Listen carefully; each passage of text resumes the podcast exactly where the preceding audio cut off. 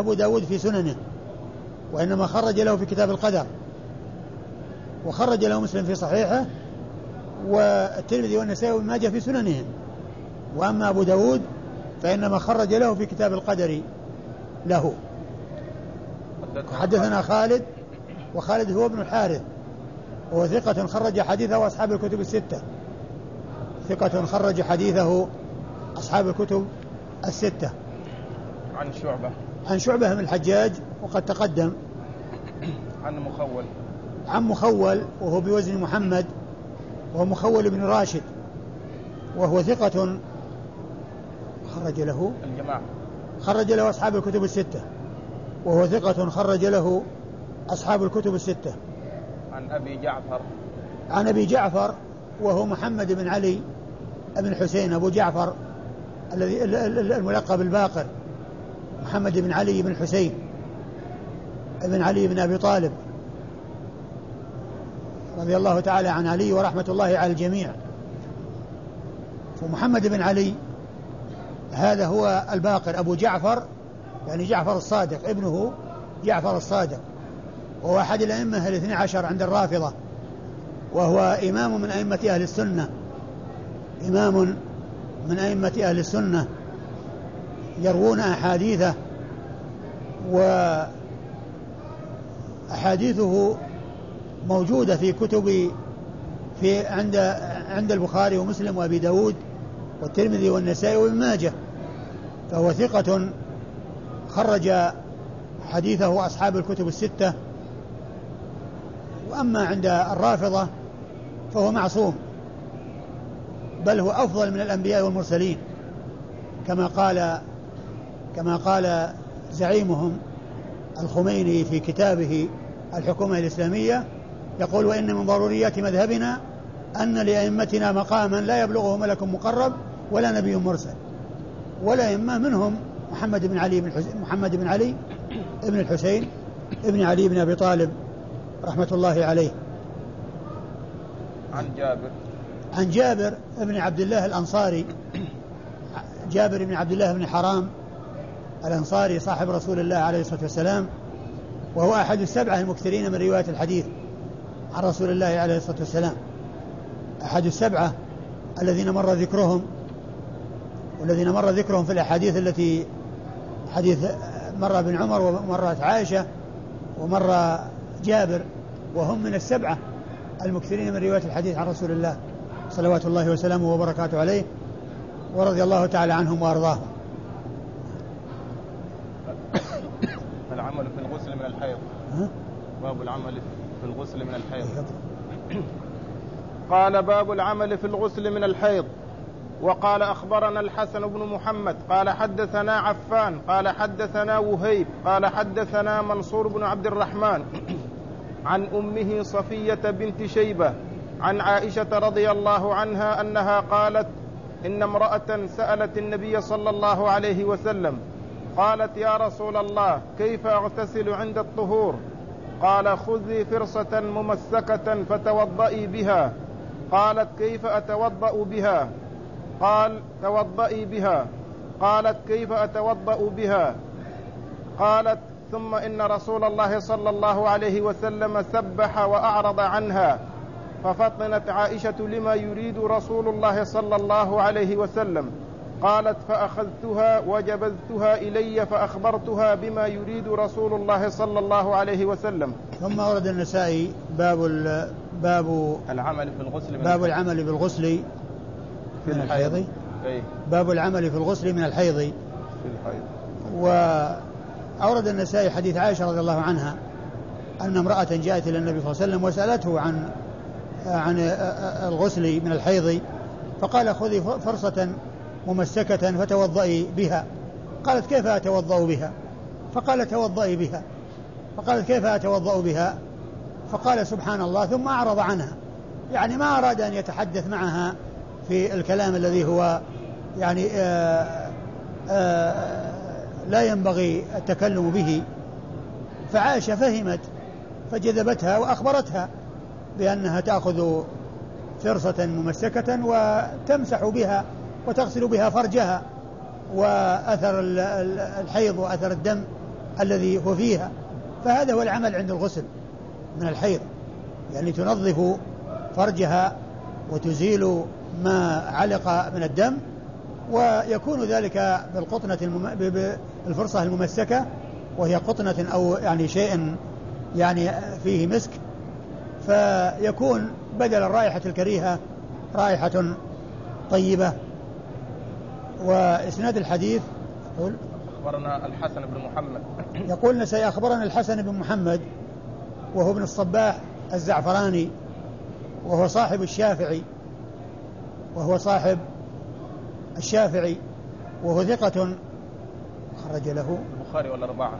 خرج له البخاري والأربعة لم يخرج له مسلم في صحيحه. وإنما خرج له البخاري وأصحاب السنن الأربعة الحسن بن علي الحسن بن محمد بن الصباح الزعفراني صاحب الإمام الشافعي. حدثنا عفان. حدثنا عفان بن مسلم الصفار. عفان وهو ابن مسلم الصفار وهو ثقة ثبت خرج حديثه أصحاب الكتب الستة. عن وهيب ووهيب بن خالد وهو ابن وهيب بن خالد وهو ثقة خرج له أيضا أصحاب الكتب الستة. حدثنا منصور بن عبد الرحمن. حدثنا منصور بن عبد الرحمن بن طلحة الحجبي يعني من أهل حجابة البيت يعني من بني عبد الدار الذين هم سدنة الكعبة. ومنصور هذا ابن عبد الرحمن ثقة خرج له أصحاب الكتب الستة إلا الترمذي. خرج له أصحاب الكتب الستة إلا الترمذي. خرج له البخاري ومسلم وأبو داود والنسائي وابن ماجه. لم يخرج له الترمذي وخرج له الباقون. يروي عن أمه صفية بنت شيبة وهي أيضا عبدرية من بني عبد الدار وهي مختلف في صحبتها وحديثها عند أصحاب الكتب الستة. تروي عن عائشة رضي الله عنها وقد تقدم ذكرها. قال باب الغسل مرة واحدة. وقال أخبرنا إسحاق بن إبراهيم قال أنبأنا جرير عن الأعمش عن سالم بن أبي الجعد عن كريب عن ابن عباس رضي الله عنهما عن ميمونة زوج النبي صلى الله عليه وسلم ورضي الله عنها أنها قالت اغتسل النبي صلى الله عليه وسلم من الجنابة فغسل فرجه ودلك يده بالأرض أو الحائط ثم توضأ وضوءه للصلاة ثم أفاض على رأسه وسائر جسده. ثم ورد النسائي باب الغسل مرة واحدة يعني بدون تثليث وتكرار. وأورد فيه حديث ميمونة بنت الحارث الهلالية رضي الله عنها وأرضاها أن النبي عليه الصلاة والسلام لما اغتسل من الجنابة آه توضأ وضوءه للصلاة ثم غسل رأسه وسائر جسده ولم يذكر ثلاثا ولم يذكر التثليث ولا التكرار. وهذا هو محل الشاهد من للترجمة. وهي باب الغسل مرة واحدة يعني بدون تكرار. فالغسل المجزي هو إفاضة الماء على سائر الجسد مرة واحدة بحيث يستوعب الجسد بالماء. وبحيث يمر الجسد على ج... يمر الماء على جميع أجزاء الجسد. فهذا هو الغسل المجزي. والنسائي رحمه الله أورد هذا الحديث الذي فيه ليس فيه ذكر التثليث ولا ذك وليس ذكر التكرار وليس فيه ذكر التكرار. مرتين أو أكثر وهو وجه الاستدلال على أن الغسل يكون مرة واحدة يعني ليس أكثر من ذلك. وإسناده؟ أخبرنا إسحاق بن إبراهيم. أخبرنا إسحاق بن إبراهيم وهو من مخلد المعروف بابن راهوية الحنظلي وهو ثقة فقيه خرج حديثه أصحاب الكتب الستة. خرج حديثه أصحاب الكتب الستة إلا ابن ماجه وهو أحد الذين وصفوا بوصف أمير المؤمنين في الحديث وهو من أعلى صيغ التعديل كما ذكرت يروي عن من؟ أنبأنا جرير أنبأنا جرير وهو ابن عبد ابن عبد الحميد الضبي وهو ثقة خرج حديثه أصحاب الكتب الستة. عن الأعمش. عن الأعمش وهو سليمان بن مهران الكاهلي الكوفي. وهو ثقة خرج حديثه أصحاب الكتب الستة والأعمش لقبه. وقد عرفنا فيما مضى أن معرفة ألقاب المحدثين فائدتها ألا يظن الشخص الواحد شخصين.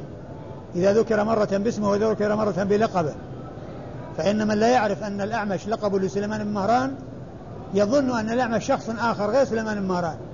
لكن إذا عرف أن هذا لقب لهذا أن أن أن الأعمش لقب لسليمان لا يلتبس عليه الأمر ويعرف أنه سواء جاء الأعمش أو جاء سليمان مهران هو شخص واحد. فهذه فائدة معرفة ألقاب المحدثين. وهو مشهور بلقبه ويأتي ذكره بلقبه كثيرا. عن سالم بن أبي الجعد. عن سالم بن أبي الجعد وهو الغطفاني المكي وهو ثقة آه، خرج له أصحاب الكتب الستة. عن قريب عن ابن عباس. عن كريب بن أبي مسلم وهو مولى ابن عباس. وهو ثقة حديثه عند أصحاب الكتب الستة أيضا. عن ابن عباس رضي الله تعالى عنهما وهو صاحب رسول الله عليه الصلاة والسلام وابن عمه وحبر الأمة وترجمان القرآن وهو أحد السبعة المعروفين بكثرة الحديث عن رسول الله عليه الصلاة والسلام وهو من صغار أصحابه وهو أحد العبادلة الأربعة الذين مر ذكرهم وهم عبد الله بن عمر وعبد الله بن عباس وعبد الله بن الزبير وعبد الله بن عمرو بن العاص. وهم من صغار وهم من صغار الصحابة. إذا أطلق لقب العباد الأربعة فإنه يطلق عليهم. ومنهم أو أحدهم عبد الله بن عباس رضي الله تعالى عنهما. يروي عن خالته ميمونة بنت الحارث الهلالية.